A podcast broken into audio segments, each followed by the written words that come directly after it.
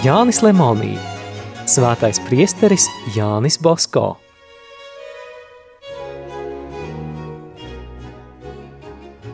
Ceturtās daļas sastā nodaļa – audzināšanas metode.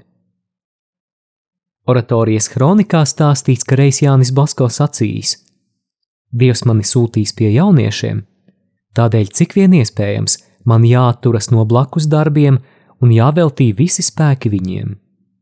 Tie nebija tukši vārdi. Priesteris Bosko visu savu personību, visas savas iedzimtās un žēlastības dotās dāvanas veltīja jauniešiem. Tie viņu saprata un dāvāja pret mīlestību. Kad Bosko ieradās kādā pilsētiņā, visi zēni steidzās sasveicināties ar savu priesteri. Reiz 1853. gadā, visu svēto dienā, priesteris Bosko kopā ar oratorijas audzēkņiem atgriezās no kapsētas. Ejot pa Porto Palazzo laukumu, viņš redzēja tur sapulcējušos visus mazos kurpju tīrītājus, sērkociņu pārdevējus, dūmeņus laucītājus, īsi sakot, visus trūcīgos. Priesteris prata katram kaut ko labu pasakīt. Savā kabatā atrada katram kādu naudas gabalu. Puisēni priesterim skūpstīja roku, plaukšķināja ar rokām un sauca: Vīvā, lai dzīvo! Ne jau tikai dāvanu dēļ zēni pie viņa skrēja. Ārpus Turīnas viņš zēniem nebija pazīstams. Tomēr, kad Bosko rudenī ar visiem oratorijas audzēkņiem devās ekskursijā, ciemu un pilsētu zēni skrēja pie viņa, tāpat kā reiz Palestīnas ebreji pie pestītāja. Vēlāk viņam bija ļoti grūti no šiem zēniem šķirties. Arī viņi, sastājušies rindā aiz oratorijas audzēkņiem, gāja priesterim līdzi, dari ko darīdams. Kad viņš ieradās kādā institūtā, atkal tas pats sagaidot saucieni, joki, prieks, pavadot asaras un pēc tam vēstules pilnas solījumiem. Parasti viņa apciemojums kādā audzināšanas iestādē panāca vairāk nekā vairāk dienu rekolekcijas –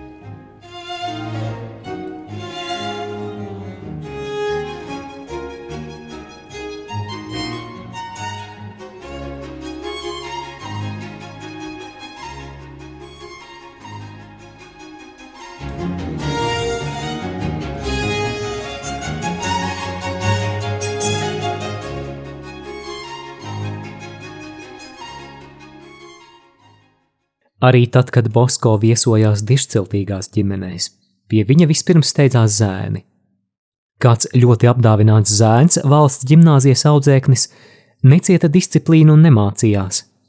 Tēvs par viņu sūdzējās kaimiņiem. Uzzinājis, ka Valdoko ir kāds priesteris Bosko un oratorija, viņš par to pastāstīja sievai, taču viņam likās necienīgi ļaut savam dēlam dzīvot kopā ar vienkāršo cilvēku bērniem.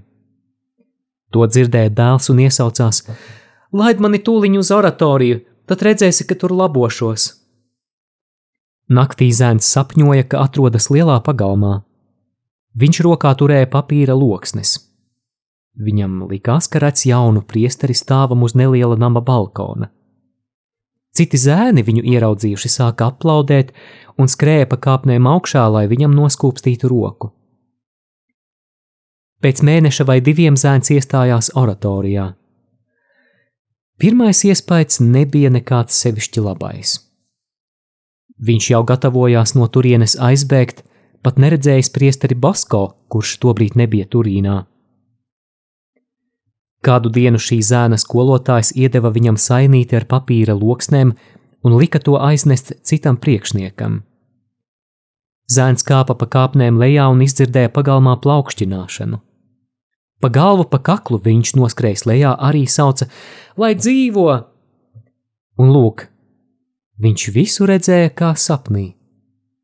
Tas pats pagalms, tie paši zēni, tie paši nami, tas pats priesteris un arī viņš pats ar papīriem rokās. Reizē ar citiem zēniem viņš metās pa kāpnēm augšā un noskūpstīja priesterim Bosko roku. No šīs reizes viņš stāsta, ka es pie Bosko kā liptim pielipu. Reiz kāds nelaimīgs vīrs, kas bija pieņēmis protestantu ticību, Gribēja, lai viņa piemēram sekotu sieva un dēls. Par laimi viņš nevarēja sievu pierunāt. Kādā naktī dēlēns redzēja sapni. Viņam likās, ka viņu kāds vilkšus aizvelk uz protestantu dievnamu. Viņš spārdījās, kliedza, bet nekas nelīdzēja. Tad viņam raudot un cīnoties, no kaut kurienes uzrādījās kāds priesteris un viņu ļaundariem atņēmis, aizveda pie sevis. No rīta viņš sapni pastāstīja mātei. Māte vairākas dienas bija meklējusi kādu katolisku iestādi, kurā varētu bez maksas mācīties viņas dēls. To viņai vajadzēja izdarīt steidzīgi, jo tēvs tam nepiekrita. Viņš bija francūzis, bet valdiešu sekta arī francūžu vidū bija izplatīta. Tad paziņas mātei ieteica doties pie priestera Bosko. Svētdienas rītā viņa aizveda zēnu uz Valdoko. Vispirms viņa iegāja baznīcā. Tajā pašā laikā pa sakristēs durvīm iznāca priesteris, lai celebrētu misi. Skaļi kā negudrs zēns iesaucās: Māmiņ, tas ir viņš! Lūk, Jānis Bosko bija sapnī redzētais priesteris. Kad viņš atgriezās sakristējā, zēns tam pieskrēja klāt, apskāva viņa ceļus un sauca: Tētiņ, palīdzi man! Priesteris Bosko viņu pieņēma, un zēns nodzīvoja oratorijā vairākus gadus.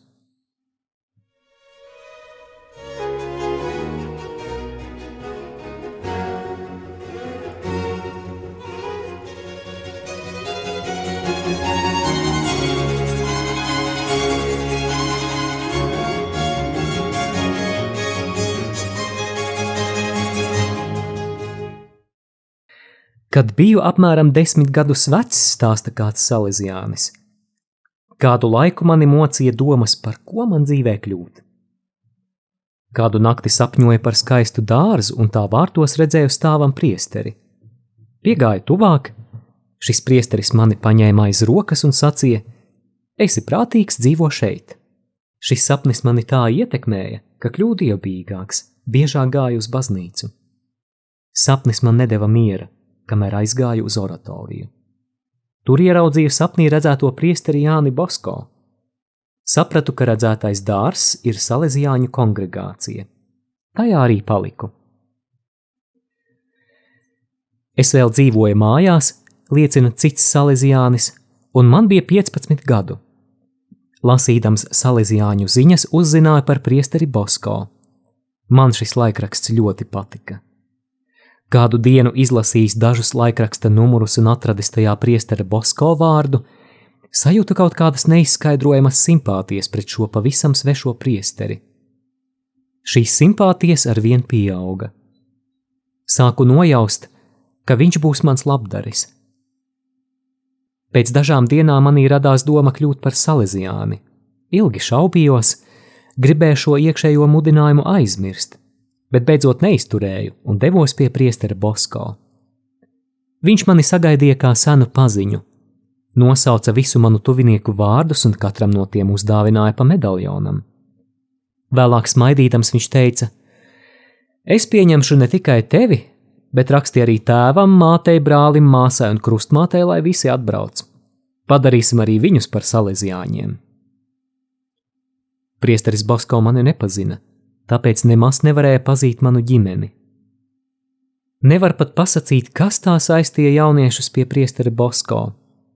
Visā viņa personībā, izskatā, skatienā un vārdos bija kaut kas mīļš un īpašs. 1855. gadā raksta priesteris Roā, jaunu klaidoņu bars vazājās ap oratoriju un aizskāra gājējus, kas uz to devās vai iznāca no tās. Šad tad, sevišķi svētdienās, nekrietneļi sāka ar akmeņiem apmētāt oratorijas pagalmu, kad zēni tur rotaļājās. Kādu dienu viņus sastapa priesteris Bosko. Viņu bija 12. Viņš sāka ar tiem sarunāties un pajautāja, kāpēc viņi nestrādā. Puisi atbildēja, ka neviens viņus nenolīkstot. Bosko visus aicināja pie sevis, apsolīja par visiem rūpēties un iemācīt amatu. Zēni paklausīja un atnāca uz oratoriju. Viens aizgāja nodzīvojis gadu, cits divus gadus, kā nu kurš, gadus trīs, četrus, bet visi aizgāja saņēmuši audzināšanu un apmācīti amatā un ticības patiesībās. Viens no viņiem pēc dažiem gadiem kļuvis turīgs atgriezās no Amerikas un ieradās oratorijā pateikties priesterim Bosko par viņa labo sirdi. Citreiz pie oratorijas laistījās kāds puisis, nemazāk palaidies kā iepriekš minētie. Priesteris Bosko iedams garām viņā palūkojās, pasmaidīja un pacēla cepuri. Labdien, atbildēja šis puisis, noliekdams galvu. Priesteris apstājās un sāka ar viņu sarunāties. Man liels prieks, ka es tevi sastapu. Tev jāizdara man mazs pakalpojums. Ja tikai varēšu, tad labprāt. Kā tad tu nevarēsi? Lūdzu, paēt ar mani kopā pusdienas. Ēst pusdienas kopā ar priesteri Bosko? Jā, jo šodien pie galda būšu viens. Bet jūs maldāties, jūs man esat noturējis par kādu savu paziņu. Nē, nē, Tu taču esi tas un tas? Jā, kungs.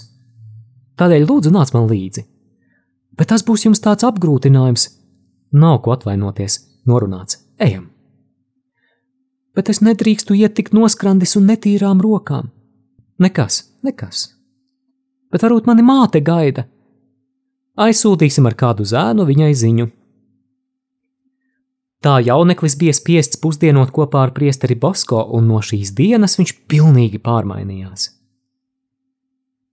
Kad Bosko pirmo reizi sastapās ar kādu jaunekli, viņš to pārsteidza ar savu labestību, bet ar labo intuīciju tūliņ izprata viņa dabu, spējas un raksturu.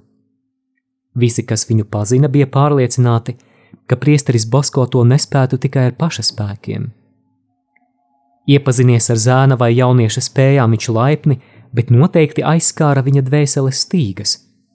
Tā ka šī dvēsele, kā maiga kokle, sāka skanēt patīkamās harmonijās. Jaunieša sirds saprata Bosko sirdi, un tūliņ tās abas sāka pukstēt vienā ritmā, tiecoties pēc tiem pašiem apustulāta ideāliem. Tā Jānis Bosko starp saviem labākajiem dēliem atrada asistentus guļamistabām un studiju zālē, repetitorus skolām, raksta kanoniķis Balēzijo. Cik bieži priesteris Bosko uzsauca saviem zēniem: Esi līksms! No viņa lūpām šie vārdi skanēja maģiski. Ja zēns sākumā bija noskumis, tad šos vārdus dzirdot, viņš priecīgs aizskrēja rotaļāties vai mācīties. Priestera Bosko personība mums aizstāja visas materiālās ērtības. Mēs dzīvojām laimīgi, priecīgi, pateicīgi, vienmēr līksmi.